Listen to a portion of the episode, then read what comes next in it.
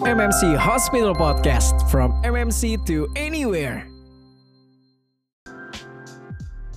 Halo Metro Friends, selamat datang di MMC Hospital Podcast Season 3 Kali ini perkenalkan saya Adi Mesatama sebagai host Dan kali ini kita akan membahas tentang penyakit yang dikenal di masyarakat yaitu penyakit mengerikan Apa sih yang kita bahas? Kita mau bahas tentang tumor otak Nah, untuk itu kali ini saya sudah bersama Dr. Adel Musafi, SPBS, spesialis bedah syaraf. Ayo dok, Selamat siang Metro Friends, selamat siang Mas Adi. Selamat siang dok. Nah, dok, gimana kabarnya dok? Sehat? Alhamdulillah sehat Mas. Mas Adi sehat Mas Adi? Alhamdulillah dok, sehat Iya, juga. Alhamdulillah. Tadi perjalanan ke sini gimana dok? Siang-siang nih. Macet. Jakarta udah kayak udah kayak dulu lagi, jadi udah mulai ya masyarakat udah keluar rumah, udah mulai kegiatan bekerja di kantor, udah seperti sebelum pandemi lah. Ya mudah-mudahan tuh jadi pertanda baik ya untuk ya, mudah-mudahan semuanya membaik. Amin amin. Kita semoga menuju endemi lah dok ya. Amin amin amin. Sehat. Karena makin ke sini, tadi saya juga ke rumah ada kali biasanya butuh waktu sejam Lebih lama. naik motor nih padahal.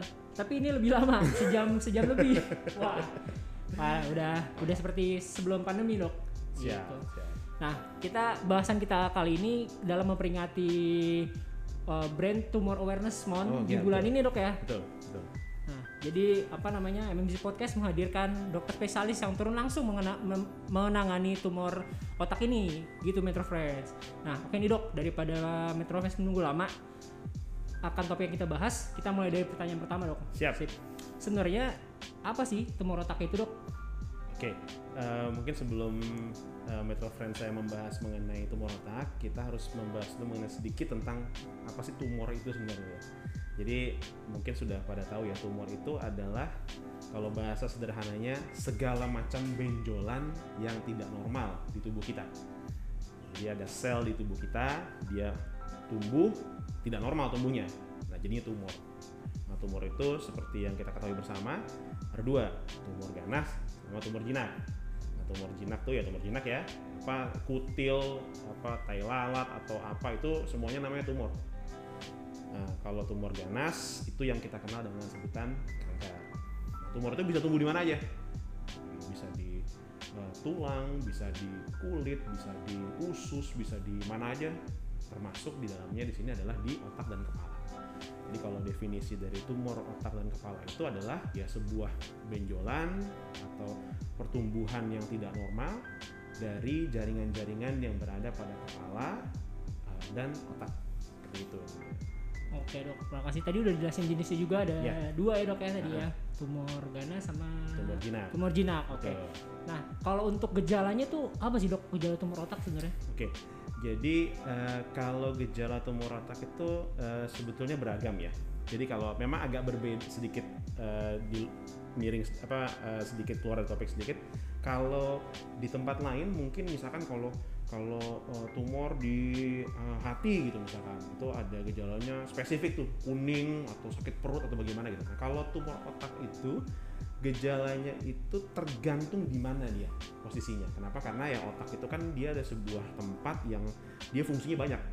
Otak sebelah sini mengatur tentang pergerakan, otak sebelah sini mengatur tentang bicara, otak yang ini mengatur tentang apa penglihatan misalkan seperti itu. Nah terjadi tumornya di mana dia tumbuh ya di situ. Jadi kalau misalkan tumornya itu dia tumbuhnya di area sebagai contoh misalkan di area yang mengatur pergerakan tangan sebelah kanan misalkan gitu ya maka nanti akan terjadinya adalah kelemahan atau gangguan gerak pada tangan sebelah kanan itu yang pertama yang kedua yang paling sering common terjadi pada gejala-gejala awal, tumor otak itu adalah sakit kepala nah, jadi sakit kepala itu terjadi karena adanya peregangan dari selaput otak ya yang atau peningkatan tekanan dalam kepala akibat si desakan oleh tumornya sehingga sakit kepala. Nah nyeri kepalanya ini beragam nih, mulai dari hanya cuma sesekali aja sampai betul-betul sakit banget gitu nyeri kepalanya. Terus kemudian berikutnya lagi bisa menyebabkan kejang. Kalau ada tumornya itu eh, bikin ada iritasi pada permukaan otak, itu dia bisa mengakibatkan kejang tumornya sendiri sampai kalau tumornya makin tumbuh, makin lama makin tumbuh, makin besar, sampai bisa mohon maaf menyebabkan penurunan kesadaran bahkan sampai dengan uh, kematian seperti itu. Oke dok. Cukup apa ya dibilang mengerikan ya dok ya Iya. Ya. untuk Mengerikan masyarakat sih awam sebetulnya. ya untuk masyarakat awam apa ya meng- mengerikan ya Betul, betul.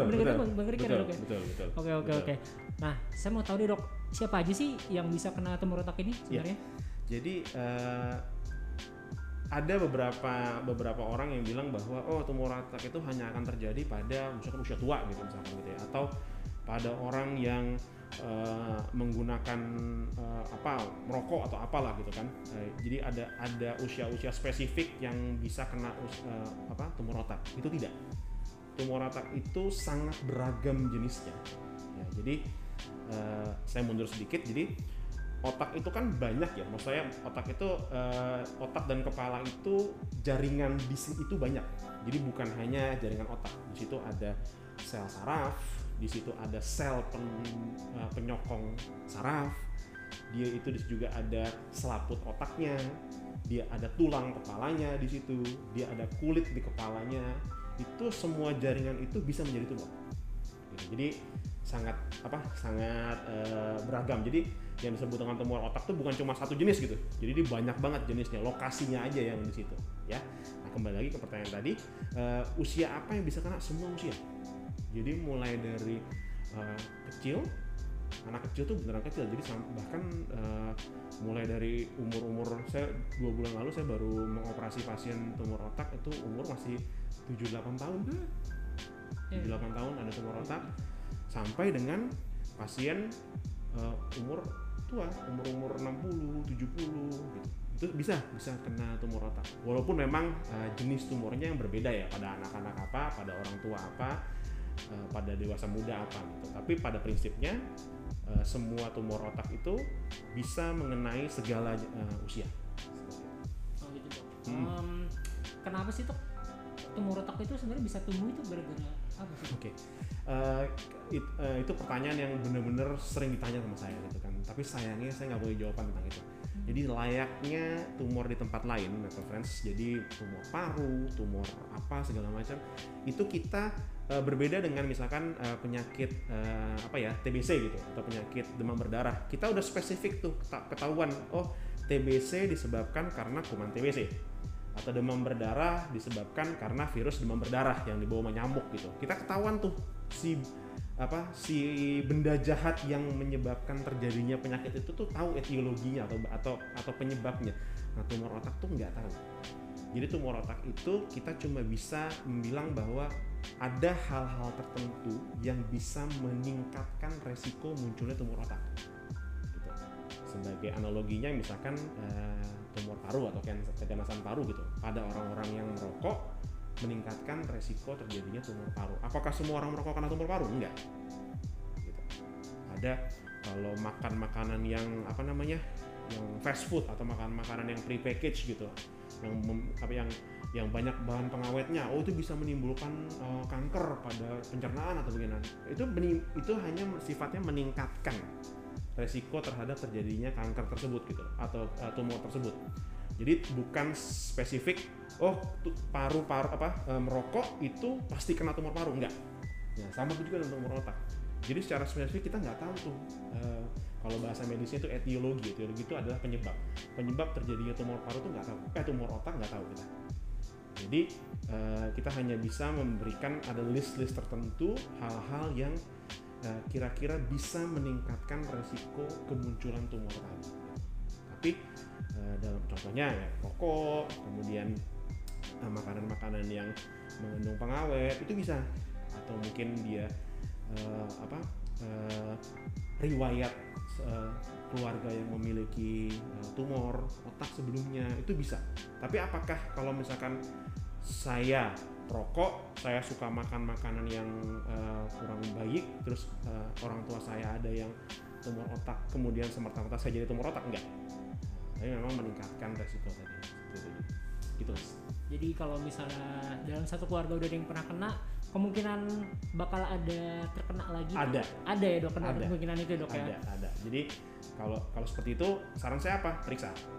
Nah, jadi rajin-rajin aja untuk periksa. Untuk terlihat nih ada nggak sih yang seperti itu gitu kalau udah mencurigakan kalau udah kira-kira wah kira-kira mau ada nih kira-kira. Mendingan langsung di dicek aja dok Iya, ya rumah sakit ya dok ya. Tadi saya bilang kalau misalkan eh, siapa si A orang tuanya punya tumor otak misalkan tuh tiba-tiba si A tuh juga mengalami gejala-gejala yang saya sebutkan tadi. Ada ada apa? Ada eh, kelemahan misalkan atau ada pusing ya itu kita harus eh, jangan-jangan nih gitu. Kita lihat nih di kepalanya jangan-jangan ada sesuatu gitu. Mungkin saya tidak tapi tidak salahnya kita periksakan gitu kalau seperti itu betul betul betul oke dok Eh, gimana sih caranya biar kita menghindari tumor otak ini dan gimana ta- tata laksananya itu gimana dok Waduh.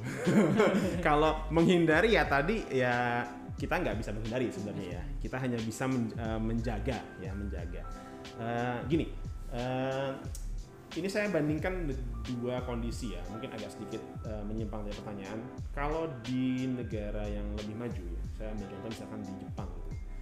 Orang itu eh, medical check up brain MRI, jadi foto MRI kepala itu rutin jadi sudah merupakan hal yang biasa. Jadi dalam dalam pemeriksaan general medical check up pun mereka kadang-kadang di MRI kepalanya untuk melihat eh, ada nggak sih tumor atau ada nggak sih kelainan-kelainan lain. Jadi kadang-kadang mereka itu ketemunya itu sudah oh ketemu tumor nih, tapi ukurannya masih kecil.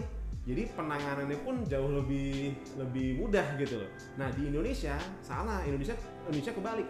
Indonesia itu ketemunya itu ketika sudah bergejala.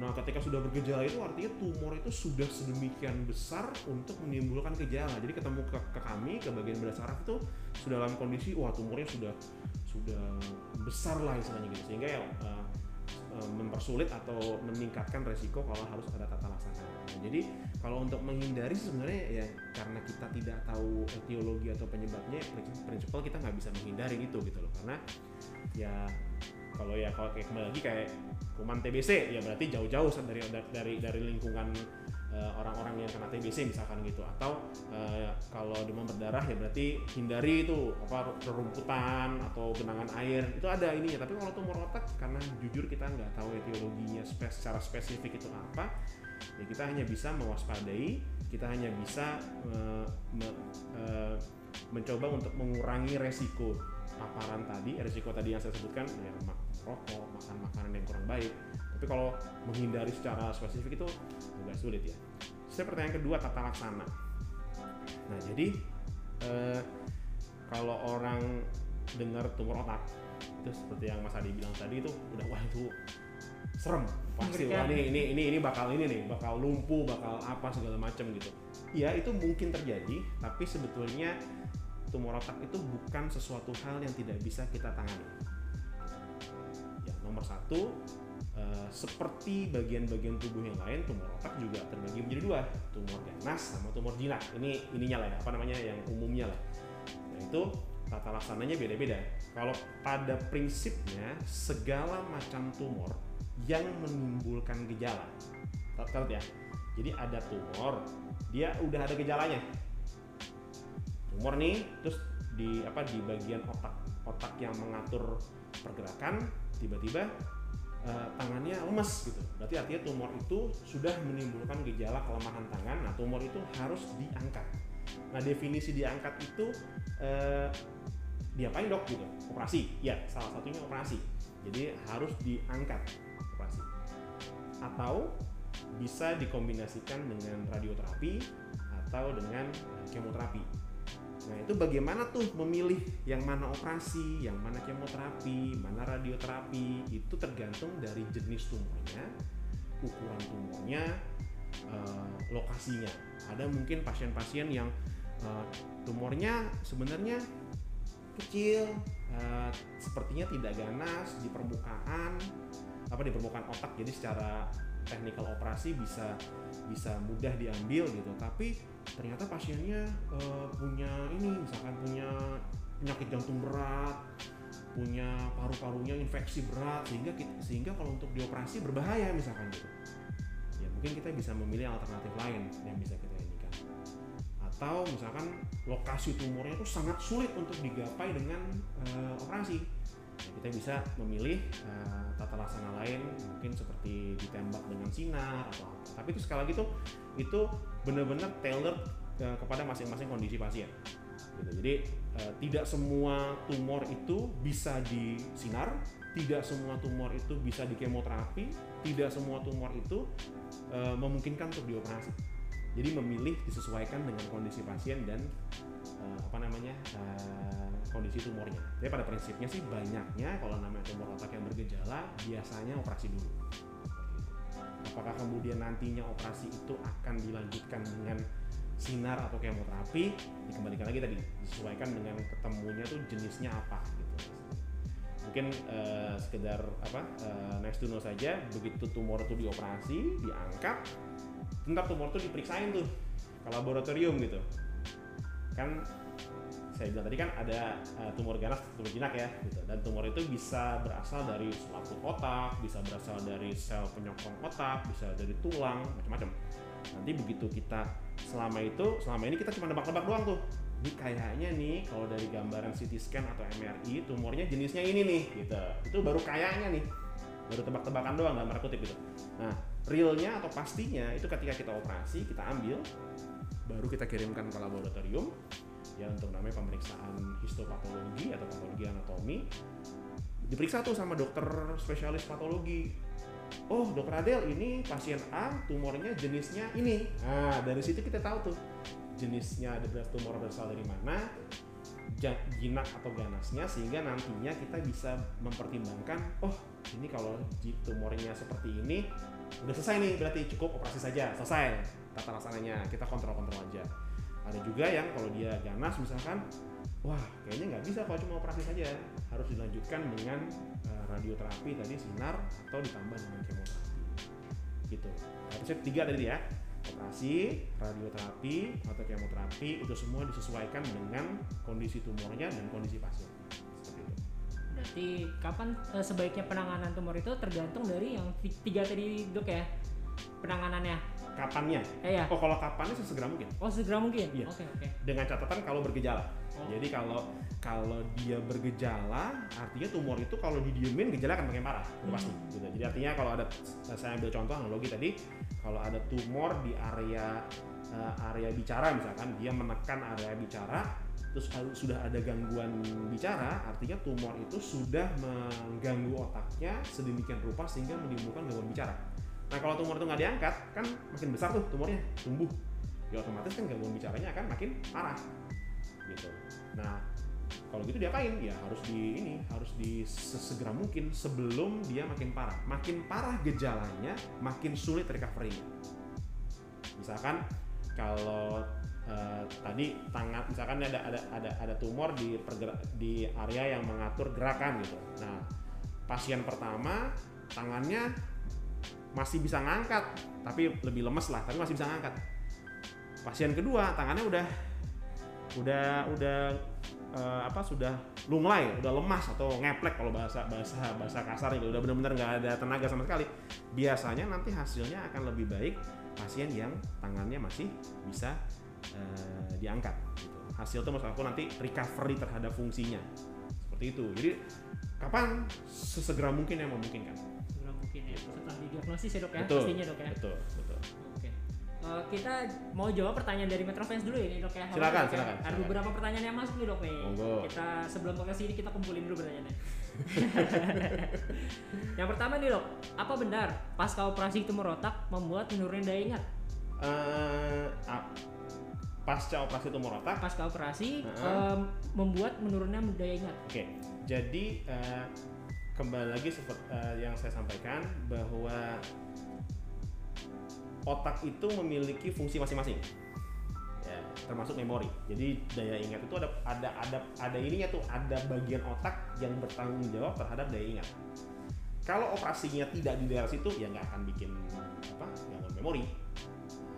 Kalau dia areanya eh, tumornya di area situ dan kita operasi di situ, ada potensi untuk mengalami gangguan memori seperti itu. Nah, cuman pertanyaannya gangguan memori itu disebabkan karena operasinya atau memang karena tumornya dari awal? Nah, itu harus dilihat lagi tuh ininya. Mungkin bisa saja saat eh, tumornya itu tumornya itu spesifik berada di area yang mengatur eh, daya ingat misalkan gitu sudah mengalami ini mengalami eh, kemunduran begitu dioperasi ya pasti kan ada ada ada cedera-cedera kecil yang terjadi saat saat saat saat pengangkatan tumor itu itu bisa mengakibatkan eh, apa namanya eh, penurunan gangguan memori. Tapi itu mungkin saja bersifat reversibel seperti itu ya. Kalau itu memang disebabkan karena cedera-cedera ringan saja operasi. Tapi kalau operasinya itu kita bekerjanya bukan di daerah yang mengatur memori ya insya Allah sih tidak akan menyebabkan gangguan memori ya. Untuk pertanyaan kedua nih dok, ya penyebab kejang pasca operasi tumor otak itu apa sih dok? Oh oke. Eh, penyebab kejang pasca operasi. Ini spesifik nih ya pertanyaannya. Jadi memang ada namanya eh, kejang pasca operasi itu memang ada ini sendiri. Memang ada eh, penyakit tersendiri. Jadi kejang itu terjadi akibat adanya iritasi dari eh, permukaan otak. Jadi kalau ada tumor yang berada di permukaan otak, kemudian kita operasi, Nah saat lagi proses operasi itu pasti ada sedikit-sedikit otak yang memar, nggak mungkin nggak. Namanya, namanya tumor di otak nempel gitu ya ketika kita angkat pasti ada sedikit-sedikit jaringan-jaringan yang terluka sedikit gitu. Nah itu e, bisa pada beberapa pasien-pasien kadang bisa menimbulkan kejang. Nah, oleh karena itu ada e, tumor-tumor di area-area khusus yang kita anggap ini berpotensi menyebabkan kejang pasca operasi atau mungkin sebelumnya memang sudah ada kejang itu biasanya dari sebelum operasi kita sudah berikan obat anti kejang dari awal. Jadi diharapkan nanti ketika dia diangkat diberikan obat anti kejang, sembuh si apa namanya si si eh, bekas operasinya itu udah tenang, mudah-mudahan kejangnya bisa terkontrol. Jadi gitu ya Metro Friends ya. Ya. Penyebab kejang setelah eh, pasca operasi tumor otak dijelasin secara gamblang banget sama dokter Adel ya. Ini dok, lagi pertanyaan terakhir di Metro Friends dok. Ini pertanyaan terakhir. Ya. Kalau mau konsultasi sama dokter Adel tuh bisa ditemuin dokter Adel tuh di mana sih dok? Oh iya, eh, saya praktek di rumah sakit MMC di kelas neurologi cluster ya di lantai satu dari lobi belok ke sebelah kanan. Itu saya di hari Rabu, Sabtu dan hari Jumat. Rabu, Sabtu dan Jumat ya dok ya. Iya. Oke. Nah, terima kasih dok, baik dokter, terima kasih untuk info info yang sangat apa ya di siang-siang kita dapat kuliah nih. eh beneran dapat berapa SKS nih lumayan nih. Ya, Mudah-mudahan apa yang saya sampaikan itu bisa bermanfaat ya. Amin. Sedikit eh, boleh saya sedikit ya.